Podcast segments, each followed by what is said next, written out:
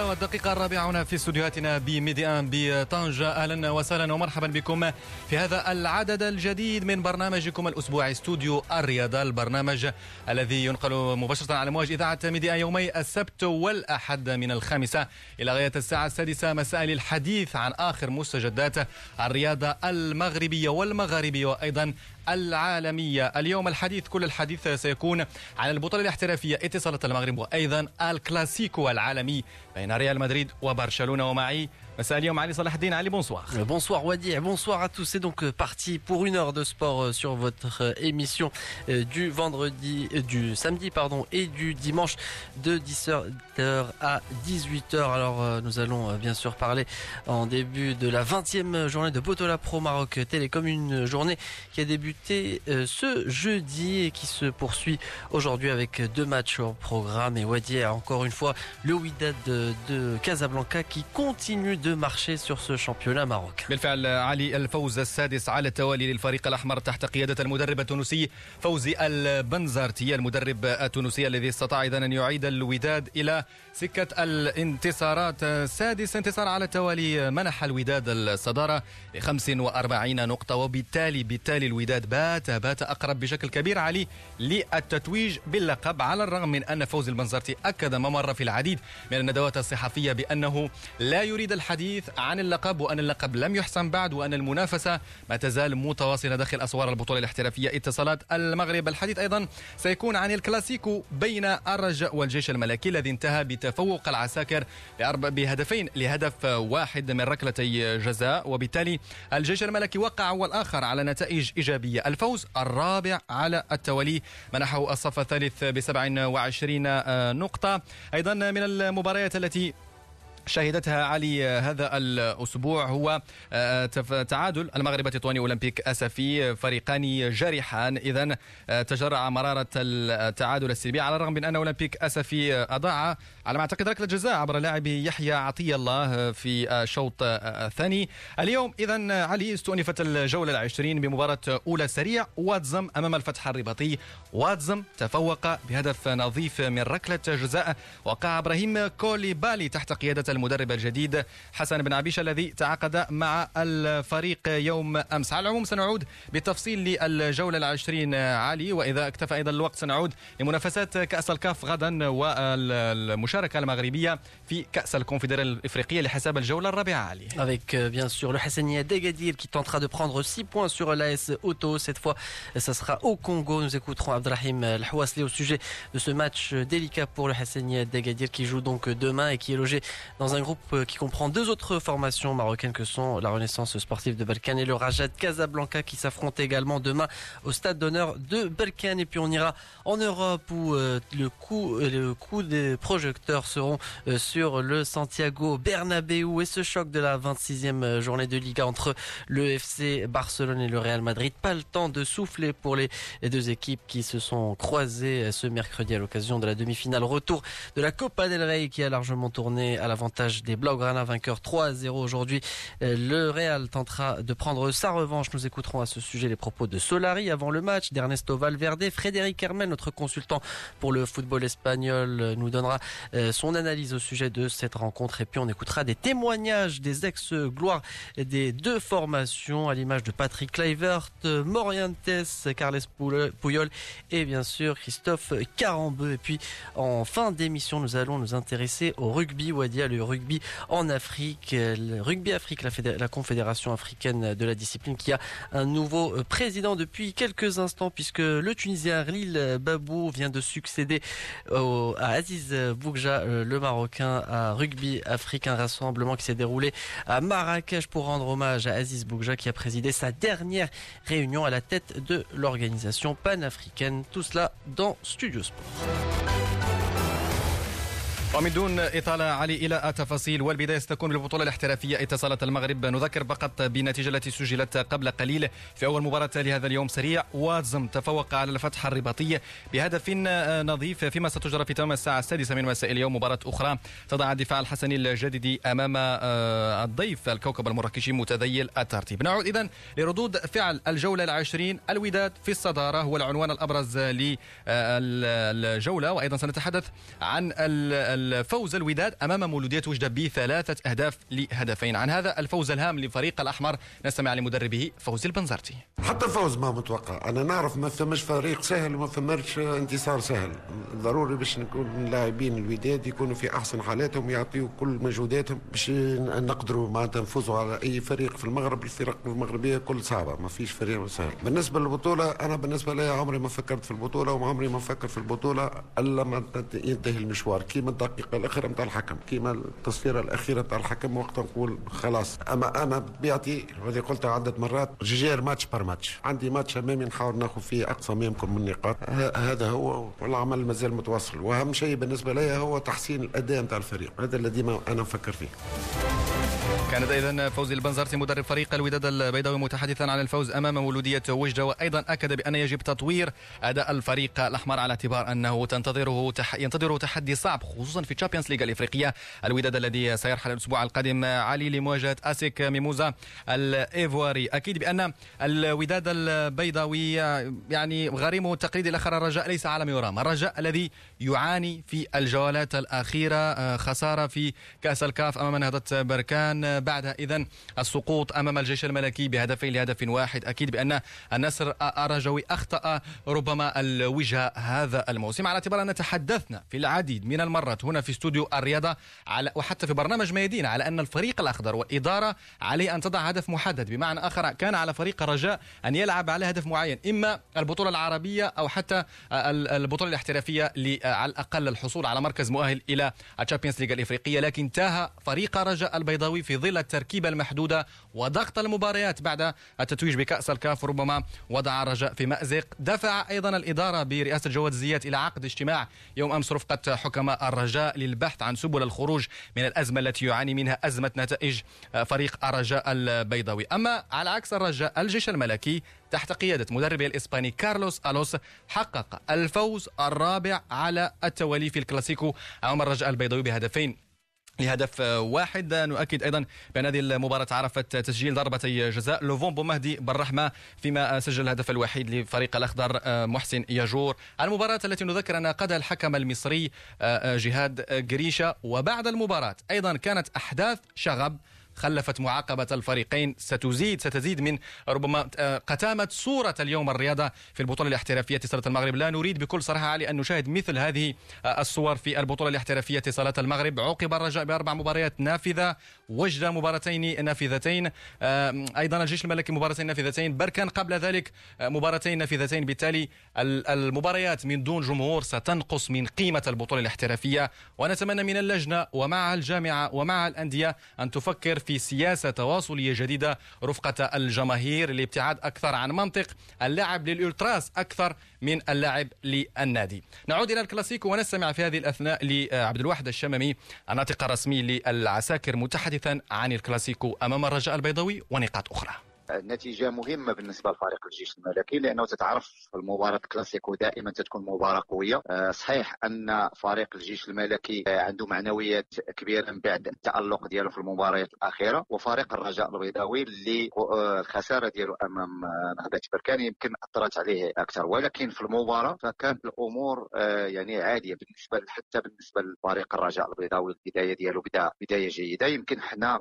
فريق الجيش الملكي ما دخلش في المباراه الدقائق الاولى الاولى ولكن بعد توالي آه، دقائق فالفريق بدا يدخل في المباراه كانت هناك واحد آه، تغيير في التشكيله وتغيير في بعض الاماكن ديال اللاعبين اللي يمكن اثر على الفريق في الشوط الاول ولكن في الشوط الثاني آه، المدرب السيد الوس تدارك الموقف ويعني ودار تغييرات اللي عطاو الاضافه وبالفعل خرج فريق الجيش الملكي منتصر رغم النقص العددي. اكيد سي الشمامي بطبيعه الحال الفريق الجيش الملكي تطور اداؤه بشكل واضح في الدورة الأخيرة فوز رابع على التوالي أكيد بأنه يمنح فريق الجيش الملكي طموح أكبر ربما اللعب على المراكز المؤهلة إلى المنافسات القارية الآن الحديث عن بصمة المدرب كارلوس ألوس هذا المدرب الذي جاء بفلسفة مغايرة تماما عما كان عليه آه، فريق الجيش الملكي لكن الآن ما هو تقييمكم إلى حدود الساعة لحقبة ألوس منذ وصوله على رأس العارضة التقنية التقنيه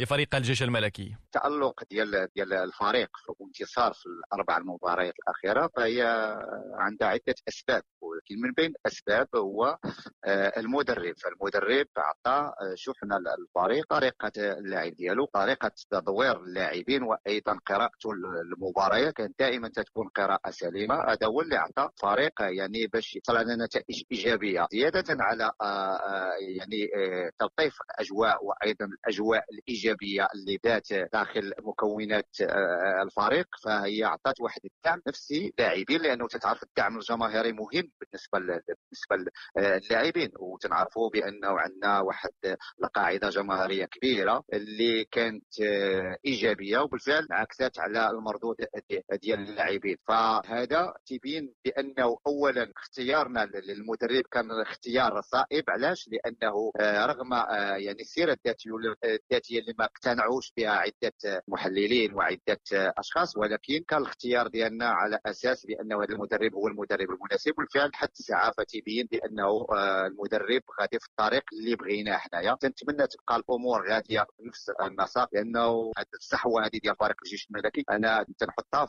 آه، غير في البدايه لانه فريق الجيش الملكي فريق الالقاب فريق اللي خصو يكون في القمه فتنظن بانه هذه بدايه تنتمنى باش تعاوننا باش باش نرجعوا الفريق للمستوى الحقيقي ديالو طيب سي شمامي اكيد ان المباراه القادمه تضعكم امام فريق يوسفيه برشيد مباراه صعبه امام مفاجاه هذا الموسم ستكون ايضا مباراه لتاكيد لتاكيد صحوه العساكر كيف تقرا انت هذه المواجهه اي فريق منافس لفريق الجيش الملكي الا وغننتظروا بانه وغنبغيو بانه ناخذوا آه، النقاط لانه حنا في امس الحاجه للنقاط كثيره باش باش ديما نبقاو في, هذاك الخط التصاعدي فريق آه، يوسفيه برشيد هو آه، الحصان الاسود هذا الموسم هذا ولا سيما في, في يعني في المباريات او في الدورات ديال الذهاب فريق يلعب طريقه جيده فريق يعرف كيف آه، يحافظ على آه، آه، الكره فتنظن بانه غادي تكون ايضا مباراه صعبه امام فريق الجيش الملكي ولا سيما تتعرفوا بانه المباراه غادي تكون ويكلو سي شمامي عذرا فقط على المقاطعه لكن نتحدث عن ظاهره الشغب الان فريق الجيش الملكي عوقب بمباراتين من دون جمهور بعد احداث الشغب التي عرفها الكلاسيكو امام فريق رجاء البيضاوي على ارضيه ملعب مولاي عبد الله بالرباط يعني ما هي رسالتكم اليوم لهذه الجماهير جماهير جماهير آه، الجيش الملكي وايضا الجماهير المغربيه بصفه عامه على اعتبار اننا اليوم لا نريد ان نرى مثل هذه الصور داخل البطوله الاحترافيه اتصالات المغرب سي شمامي. تنظن بان رسالتنا للجماهير دائما تنقول لهم بانه قوتنا في في جمهورنا فالجمهور خصو يكون ايجابي ولكن آه، بحكم الطفره وهذا الصحوه ديال الفريق اللي غاديه في واحد الخط آه، التصاعدي تتمنى الجمهور يزيد يعاون الفريق لانه هو السند للفريق فبهذا فخصنا نعرفوا الاشياء اللي بالامكان ديال تعيق فريق ديال الجيش لانه حنا في حاجه ماسه للجمهور إذا عبد الواحد الشمامي تحدث إذا عن أهمية الجماهير في دعم فرقها من أجل تحقيق نتائج إيجابية، لكن كما ذكرنا آه، اللجنة التأديبية للجامعة الملكية المغربية لكرة القدم عاقبت الرجاء بأربع مباريات نافذة الجيش مباراتين نافذتين، أكيد أن الفريقين استأنف هذا القرار، قبل ذلك نذكر ديربي الشرق أيضا هو الآخر وجد خمس مباريات نافذة وأركان مباراتين نافذتين مع غرامات مالية أيضا ستثقل كاهل الأندية خصوصا تلك التي تعاني من أزمة آه، آه، مالية وبالتالي يجب التفكير علي كما هو الشأن في أوروبا في منح ربما مقاعد محدودة جدا لجماهير الفريق الضيف نتذكر فقط الكلاسيكو يعني بين ريال مدريد وبرشلونة حضرت تقريبا 200 مشجع من آه، برشلونة وبالتالي هذا ما يجب أن نصل إليه في البطولة الاحترافية أن تكون أيضا نسبة الجماهير جماهير الفروق التي الفرق التي تأتي كضيف أن تكون محدودة ومحدودة جدا على الأقل على الأقل للتخفيف من ظاهرة الشغب في الملاعب التي سنعود إليها بالتفصيل في أعدادنا القادمة من استوديو الرياضة لحظة إذا نواصل ردود الفعل الجولة العشرين هذه المباراة المغرب تطوني أمام أولمبيك أسفي المواجهة التي انتهت بالتعادل السلبي من دون أهداف نذكر بأن أولمبيك أسفي أضاع ركلة جزاء كان قريبا من العودة بثلاث نقاط ثمينة من ملعب ثانية أرمل هذه ردة فعل مدرب المغرب التطواني طارق أسكتيوي سي كريي بوكو دوكازيون للاسف ما توفقناش باش اننا نترجموا ولا وحده اللي كانت تعطينا لي 3 بوان ولكن آه، يمكن لي الا انني نحيي اللاعبين بكل صراحه على التضحيات اللي كيديروا على لا كونسونطراسيون ديالهم لا موتيفاسيون ديالهم لا كومباتيفيتي ديالهم لا ديسيبلين التكتيك ديالهم ما ننساش اوسي كيف ما شفتوا درنا فقط حصه وحده سور لو بلان اوفونسيف وحصه نظريه فلو فيت انهم يخرجوا ماتش بحال هكا في لوفونسيف كنظن على انه يمكننا الا اننا نحييو هاد الدراري فريمون آه، كنا نستحقوا نخرجوا بلي 3 بوان ما سهلش الله آه، ما علينا الا اننا اون سو بروجيت على لو بروشان ماتش ديال الوداد افيك بلوس دو دو كونسونطراسيون و ان ايتا ديسبري انكور بلو سوليد اي بلو فور كان اذا طارق سكيتوي متحدثا عن التعادل امام آه، نادي اولمبيك اسفي آه، نذكر فقط من المغرب التطواني ما زال يحتل المركز الرابع عشر ب 21 النقطة أما أولمبيك أسفي احتل الصف التاسع ب 25 نقطة وسبق أيضا لرئيس فريق أولمبيك أسفي أنور دبيرة كذا في تصريح حصري لميديا أن آه، قرار التشبث بهشام الدميعي بعد طلب الأخير إعفاء من مهامه كان بهدف الحفاظ على الاستقرار والذهاب آه، بعيدا في البطولة على اعتبار أن فارق النقاط بين أغلب الأندية عالي ليس كبيرا إذا استثنينا فريق الرجاء البيضاوي والوداد آه، والجيش الملكي فكل الفرق معنية بمسألة النزول خاصة الفرق التي لم تصل بعد إلى عتبة 30 نقطة وبالتالي الصراع سيتواصل في العشر دورات الأخيرة ما يعد بالكثير من الندية والإثارة داخل أسوار البطولة الاحترافية اتصالة المغرب المغرب التطواني والوداد الرياضي مقابلة مرتقبة لحساب الجولة الحادية والعشرين يوم الاثنين القادم وهي المباراة الممهدة لمباراة الوداد القارية أيضا من المباريات التي ميزت إذن نهاية الأسبوع الماضي ولكن لحساب الجولة 19 أولمبيك خريبكا تعادل مع حسنية أكادير من دون أهداف آه، أيضا نهضة بركان تفوق على شباب الريف الحسيني بهدف الحسيمي بهدفين النظيفين اللحظة آه، نفتح ملف تعيين مدرب جديد بعد رحيل طارق مصطفى عن دكة بدلاء الفريق سريع واتزم وصل مدرب جديد هو حسن بن عبيش الإطار المغربي الذي سبق وأن أشرف على الكوكب المراكشي وأيضا العديد من الفئات في المنتخب المغربي نستمع لهم متحدثا عن أبرز التحديات التي تنتظره مع فريقه سريع واتزم كنظن بانه جميع المدربين كيكونوا عندهم عده مصاعب حتى صفوف امنه كل مقابله وكتجي مقابله صعيبه وصعيبه بزاف وكيكون كتكون لابريس لان ديما اي مقابله في كره القدم اي مدرب كيكون عليه ضغط كبير كنظن بانه بالنسبه لنا حنايا آه، ماشي تحدي وانما آه، فرصه فرصه لنا آه، وقع لي نفس الشيء مع مع الكوكب المراكشي غير الكوكب المراكشي كان الوقت كان بعض الوقت باش نوجدوا الفريق لان كانت لا تريف هذه السنه هذه ما كانتش لا تريف لانه ما كان لا لوشان ما كانش لا كان لا المسيرين حتى هما كانت صعيبه باش ينفصلوا على مدرب رغم انه ممكن يحقق نتائج سلبيه لانه ما كاينش الوقت مثلا باش يجيبوا مدرب وباش يكون الوقت فكنظن هذا هو اللي وقع لسريع واتسون ولكن انا ما جيتش ننقد الفريق ولكن جيت نشتغل مع الفريق نحاولوا نربحوا اكبر عدد ديال النقاط فكنظن جميع الانديه اللي ما عندهاش 30 بوان راه نفس الشيء الا لاحظتي مولوديه وجدان كانوا كالهضره على على على المدرب وهذه هو دابا عنده 5 بوان تقريبا باسر واحد العدد ديال المقابلات ولا في المراتب الاولى هذه هي كره القدم وفريق سريع هو الزنقي يلعب كره جميله وجميله بزاف ونتمنى ان شاء الله نحاولوا ان نجمعوا اكبر عدد من النقاط باش نخرجوا من هذه المنطقه في اقرب وقت ان شاء الله Voilà donc euh, c'était Hassan Ben ebisha le nouvel entraîneur du Rapid euh, Weds. Mais les choses vont plutôt bien pour euh, le technicien marocain puisque cet après-midi il a pris part à sa première rencontre à la tête du Rapid Weds qui s'est soldé sur une victoire 1 but à 0 contre le FUS de Rabat, l'équipe du Rapid Weds qui grimpe un peu au classement général avec 22 points et s'éloigne de la zone de relégation. 3 points derrière le premier relégable, le Shabab Rif d'El Husseima. Une belle opération donc euh, pour le rapide euh, Wadzem et euh, Ben Abisha.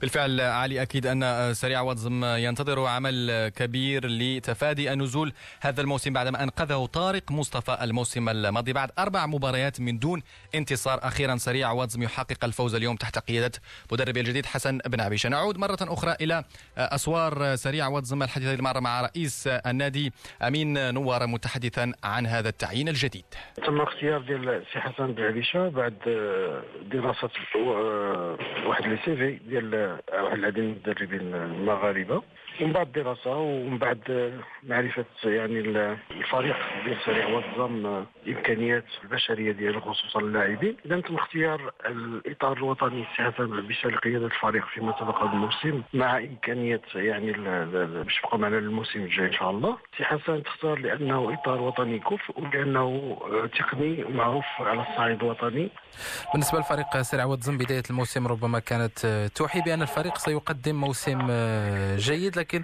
وقع بعض ربما النتائج سلبية في الطريق خاصة في آه، الشهرين الأخيرين تقييمكم سي أمير لمستوى النادي هذا الموسم وهل هناك خيبة أمل بالنظر لبداية الموسم اللي كانت آه، محترمة؟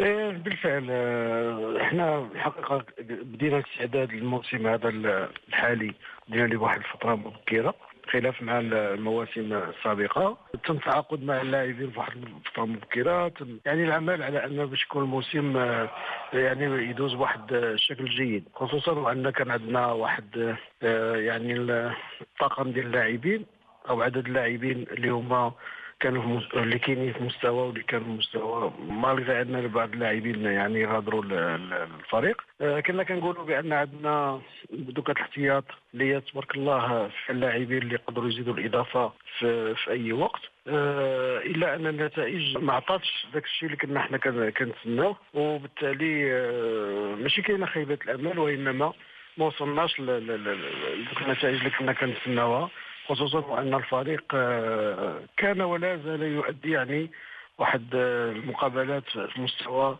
جيد آه، ربما سامي النوارة هناك عمل كبير آه، لا أحد يشك في ذلك في السنوات الأخيرة في مدينة واتزم خاصة على المستوى الرياضي وفريق آه، سريع واتزم المرآة ديال الرياضة في المدينة في القسم الأول اليوم هل هناك ثقة أن مع المدرب حسن بن عبيشة أيضا مع ربما التحفيز الجماهيري والإداري للاعبين أن الفريق قادر أنه يضمن البقاء دياله في الدرجة الأولى هذا الموسم؟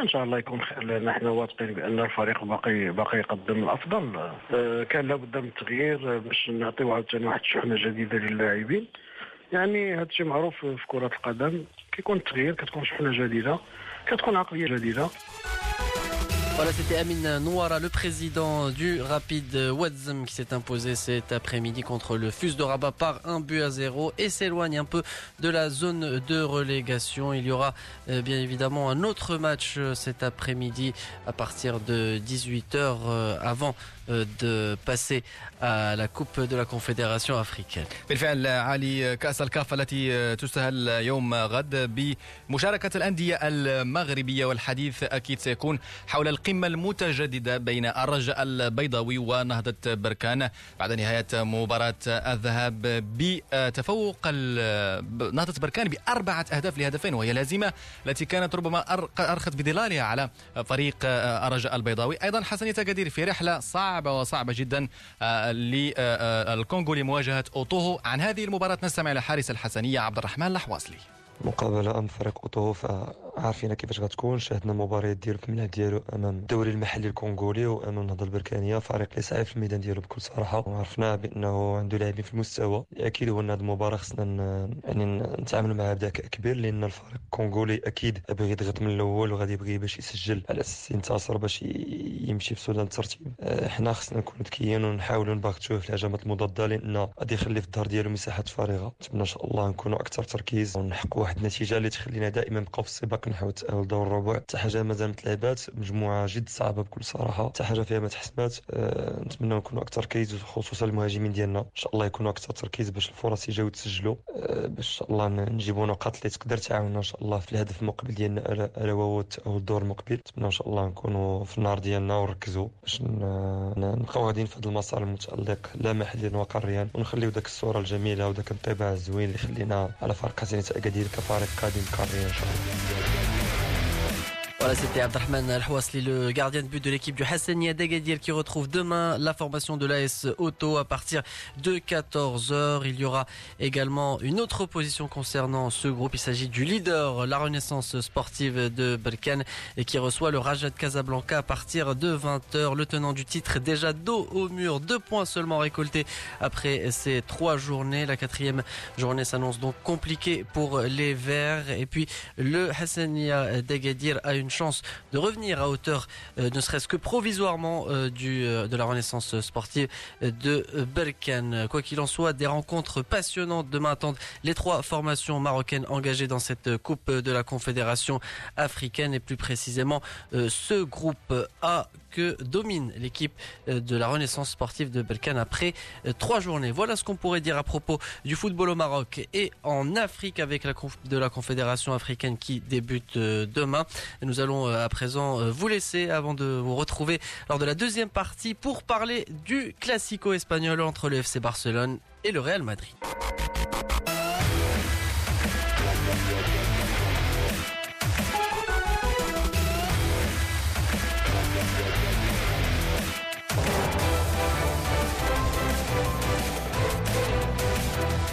7 h et plus de 32 minutes à l'écoute de Médien. Bienvenue à vous si vous venez de nous rejoindre. C'est la deuxième partie de Studio Sport. Nous avons largement parlé du football au Maroc avec la 20e journée de Botola Pro Maroc euh, Télécom et de la Coupe de la CAF lors de la première partie. Place désormais au classico espagnol que tout le monde attend. Le Real Madrid reçoit le FC Barcelone à partir de 20h45. Pas le temps de souffler pour le Barça et pour le Real après le classico de mercredi qui a largement largement tourné à l'avantage des Blaugrana. Les deux équipes se retrouvent donc une fois de plus au Santiago Bernabéu. Pour ce match, c'est le titre de champion de l'Espagne qui est en jeu. Et si les Barcelonais ont de grandes chances de conserver leur titre, le Real Madrid a une revanche à prendre puisque l'équipe a été touchée dans son orgueil après une énième défaite face au rival de toujours, le club merengue se doit de faire un bon résultat. En face, le Barça est sur un nuage, il faut le dire, après s'être invité pour la sixième fois d'affilée en finale de la Copa del Rey. Les Catalans peuvent désormais euh, préparer euh, le match dans les meilleures euh, conditions. Et puis le Real Madrid a cette fois une euh, occasion de se racheter devant ses supporters après une défaite qui reste amère après au vu de la physionomie de la rencontre. Un autre résultat et les minces chances espoirs de titre des champions d'Espagne, même s'ils sont infimes, vont s'envoler pour les merengues. Santiago Solari doit donc faire vite pour remobiliser ses joueurs euh, ce soir. On va écouter euh, la réaction euh, du technicien argentin après la rencontre de la Copa del Rey et avant le choc de la Liga. Vous savez, dans le football, il faut vite rebondir. C'est aussi valable pour celui qui gagne le match, puisque les paramètres changent et les rencontres ne sont pas pareilles. Nous devons donc rapidement rebondir pour être prêts samedi. Nous avons perdu avec les honneurs en Coupe du Roi. Nous sommes tristes de ne pas pouvoir jouer la finale. Mais je tiens à féliciter le Barça qui était ah, plus réaliste. Hein, donc Santiago Solari qui a tout de même félicité le Barça vainqueur 3 à 0 en euh, Copa del Rey. Aujourd'hui, euh, l'équation semble compliquée euh, pour le Real Madrid qui se doit de prendre sa revanche face au FC Barcelone qui si il ne s'incline pas au Bernabeu, eh bien, il aurait de très fortes chances de conserver son titre de champion d'Espagne. آه، آه، في سانتياغو آه، برنابيو اكيد بان تفوق واضح لرفاق ليونيل ميسي في ملعب سانتياغو برنابيو استمعنا قبل قليل علي لسانتياغو سولاري المدرب الارجنتيني المدرب الذي فشل تكتيكيا امام ارنستو فالفيردي لم يعني لا احد لم يكن يفهم علي لماذا سولاري قام بالاختيار الهجومي منذ البدايه على الرغم من ان الميرينغي كان محتاج فقط للصفر لصفر نتيجه صفر لصفر وبالتالي الاندفاع الكبير لفريق الريال في الشوط الاول خاصه انه اضاع الكثير من الفرص لكن هناك منع اعتبر العديد من المتتبعين اعتبروا بأن هذا الاندفاع الهجومي لسولاري آه، ترك للبارسا فرصة للتفوق تكتيكيا خاصة في الشوط الثاني ولهذا عنونت أغلب الصحف الإسبانية بأن الريال لعبت والبارسا انتصرت ولكن في الحقيقة فالفيردي هو من انتصر على سانتياغو آه، سولاري أكيد بأن الحوار اليوم متجدد الرهانات مختلفة عالي ربما من الناحية النفسية الريال سيبحث عن فوز معنوي لأن يمكن أن نقول بأن التنافس على الليغا يبدو صعبا على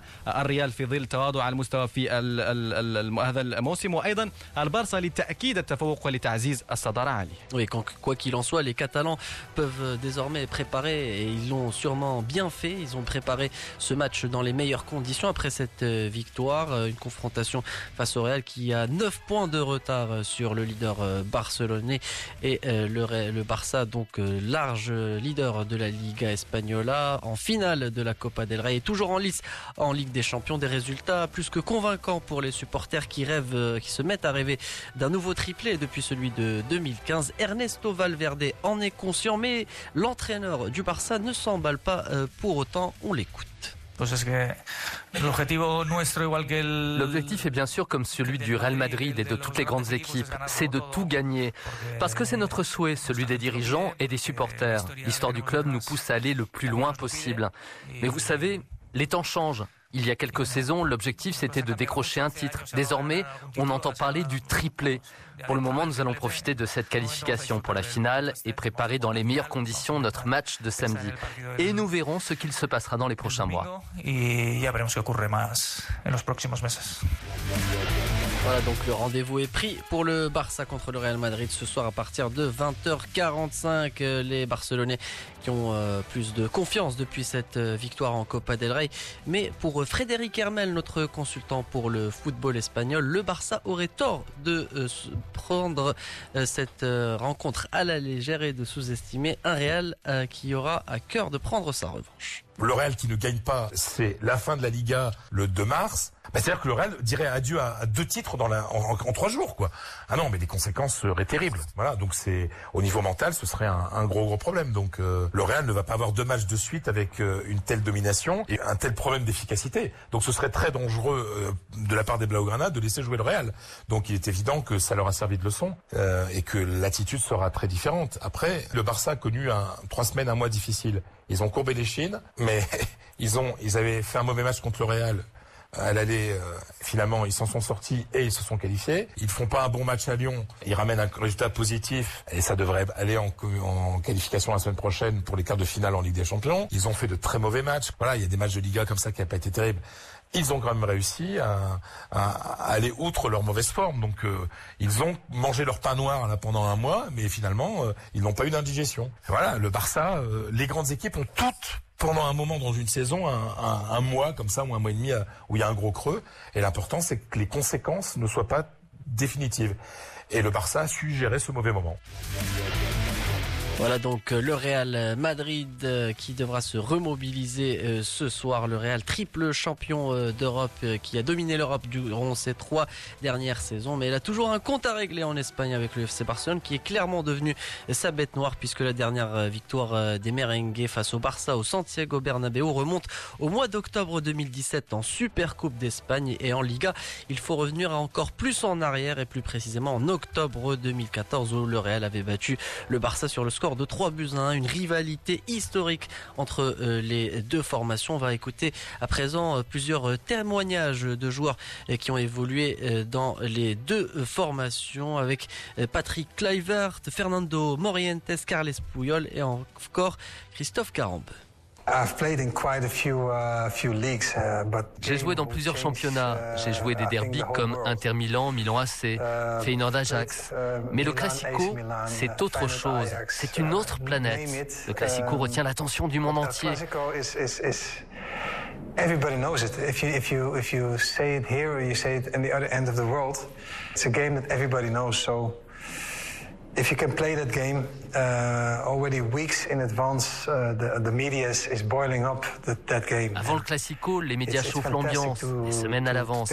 C'est fantastique d'y avoir participé. Si vous demandez à des fans en Espagne s'ils veulent aller au Classico, ils mourront pour cela, uh, pour avoir une chance uh, d'aller assister à ce match go to and te la camiseta Real Madrid, eh, Mon meilleur souvenir d'un Classico restera mon premier.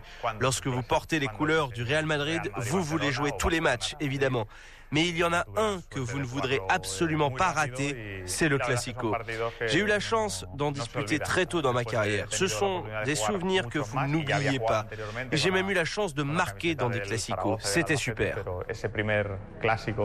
Eh, Intentaba repasar un poco el partido que avant un classico, je me projetais toujours, je me concentrais sur mes adversaires, travaillais sur le plan de jeu mis en place par l'entraîneur. J'ai de bons souvenirs avec le classico, d'autres un peu moins bons. Mais le meilleur restera notre victoire 6 à 2 au Bernabeu.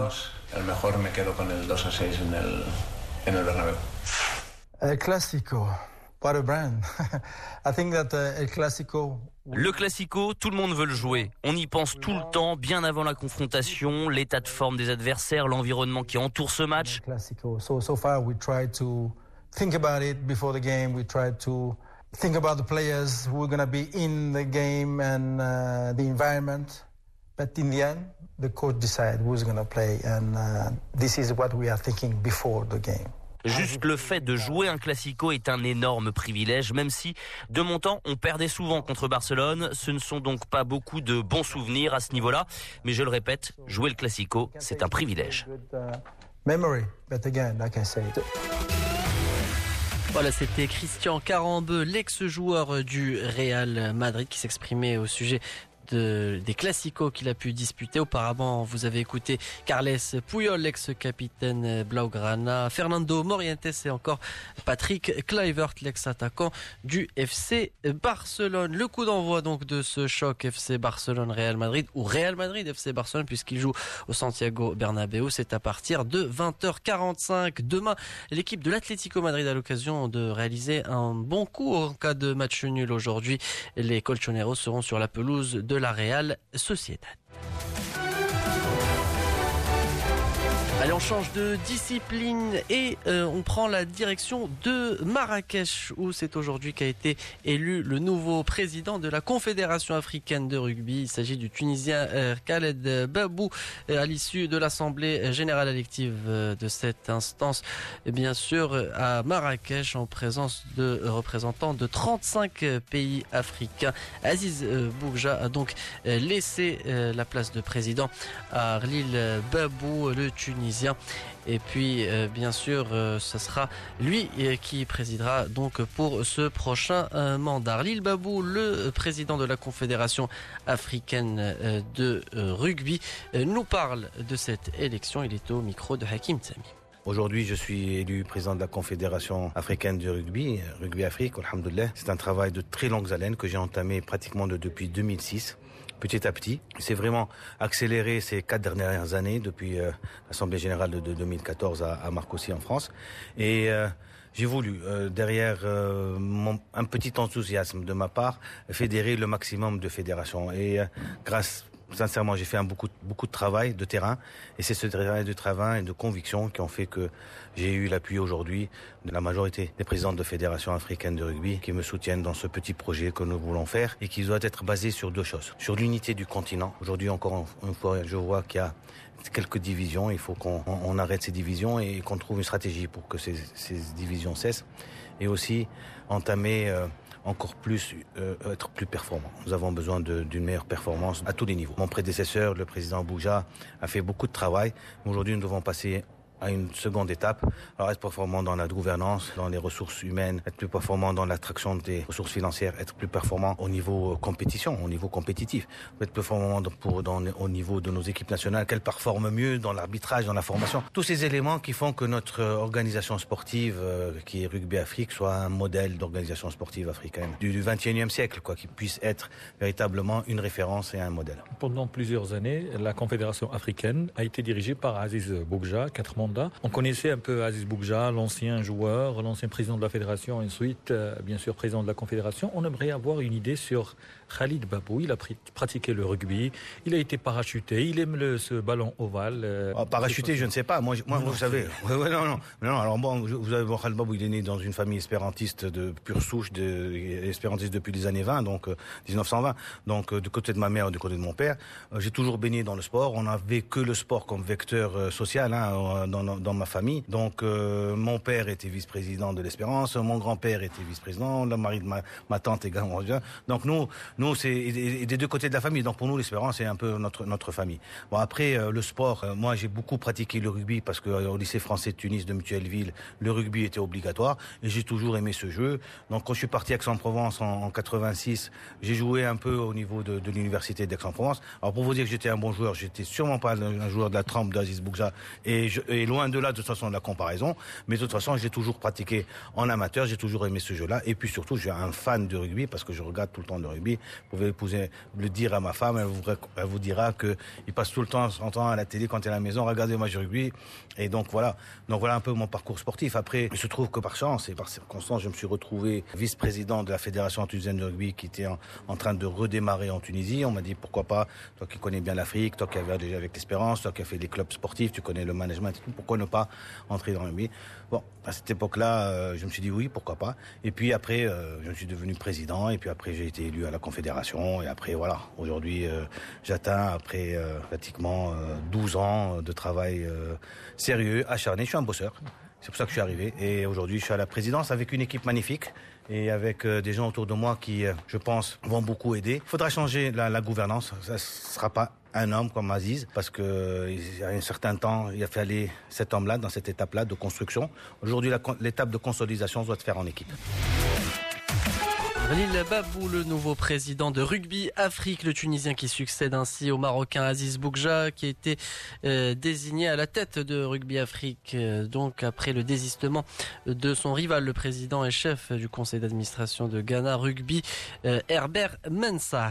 Khalil Babou est donc le nouveau président de Rugby Afrique. Ça a été décidé à Marrakech pour rendre hommage à Aziz Boukja, qui a présidé sa dernière réunion à la tête de l'organisation africaine panafricaine. Quatre mandats. Et puis euh, c'est fini pour euh, Aziz Boukjaï. Il nous livre ses impressions à chaud au terme de, la désignation de Lille. Vous savez que Rugby Afrique, pour moi, c'est un bébé. Alors imaginez que quand vous avez un enfant, comment vous le... Vous il n'y a, pas de soulagement. Il a pas de soulagement. J'aurai toujours une pensée très émue pour mes amis. Je continuerai à contribuer quand ils me le demanderont. Donc je serai derrière. Quand ils auront besoin de moi, je serai présent toutes les fois. Mais quoi qu'il en soit, je crois que c'est une, une belle équipe qui vont entourer Khaled Babou, que je félicite. Et j'espère que c'est une équipe qui ira loin. Je suis persuadé qu'ils continueront pour quelques mois encore à, me réclamer. Mais j'essaierai tout doucement d'aller vers d'autres euh, hobbies. mais je continuerai toujours, euh, quoi qu'il en soit, de travailler pour le rugby africain. Le fait de retrouver des gens euh, qu'on a côtoyés il y a plus de 40 ans, enfance, adolescence, en tant que joueur responsable, avec toute cette famille, on a l'impression qu'il y a un nouvel état d'esprit qui vient de s'installer ou bien une nouvelle poussée qui vient de s'installer avec beaucoup d'émotion Absolument. Tous mes amis avec lesquels j'ai eu euh, une relation particulière depuis euh, ces 45 dernières années étaient, sont présents, que ce soit en Europe, que ce soit en Afrique, même en Amérique latine, aux États-Unis, en Angleterre, d'autres personnes qui n'ont pas pu faire le voyage, d'autres qui ont pu faire le voyage. Mais vous savez, c'est une assemblée, le nombre d'invités, cette fois, était de 40 qui venaient de tous les pays. C'est que il y avait une histoire entre ces personnes et moi-même. C'est des personnes qui m'ont soit entraîné, soit été mon, mon, mes présidents, soit avec qui j'ai joué sur le terrain, avec ou contre. Donc il y a eu tout ça. Il y a eu toute cette euh, chimie qui a fait qu'on a pu réussir cette Assemblée générale. Et puis finalement, c'est un bon exemple d'amitié. Ça veut dire qu'on préserve le lien le plus important, le lien du partage, le lien de la convivialité et, un lien incommensurable qui est la gratitude au sport qui nous a fait grandir. Et ce sport, bah, il s'exprime à travers les gens. Bah, ce sont ces gens-là qui, qui étaient présents euh, à Marrakech et qui sont encore présents aujourd'hui. Aziz Bougja, désormais ex-président de Rugby Afrique. Le nouveau président et donc le Tunisien Arlil Babou. Un nouveau chantier se prépare donc euh, dans la discipline euh, au niveau euh, continental. Le rugby africain qui est plus que jamais appelé à monter en puissance à l'image de l'Afrique du Sud, grand nom du rugby international. Voilà ce qu'on pouvait dire à propos du rugby en Afrique. Euh, l'info du jour ou bien l'actualité du jour. Elle est marquée euh, du côté de l'Espagne et bien sûr ce classico espagnol entre le FC Barcelone et le Real Madrid pour le compte euh, de la 26e journée de Liga. Wadi, un favori peut-être ولي صراحة من الصعب جدا ترشيح فريق معين لهذا اللقاء ولكن على العموم ربما يبدو أن البارسا أقرب على اعتبار أنه حتى على المستوى النفسي برشلونة أيضا خرج متأهل إلى نهائي كوبا ديل ري يلعب بشكل ربما مخالف على الرغم من أن فريق البارسا مستواه بدا يتطور خصوصا بعد عوده ليونيل آه، ميسي بالتالي اعتقد بان ريال مدريد ستكون فقط مباراه بعنوان ربما آه، لاعاده الثقه آه، للاعبين سنرى كيف سيتعامل سولاري مع هذه المواجهه هل سيعيد مره اخرى نفس الطريقه الاداء الهجومي منذ البدايه علي ربما فريق الريال المشكل الوحيد هو انه يمتلك نجم ربما قادم بقوه وفينسيوس الذي يقدم مباريات جيده لكن تنقصه اللمسه الاخيره لاعب يبلغ من العمر 18 عاما وبالتالي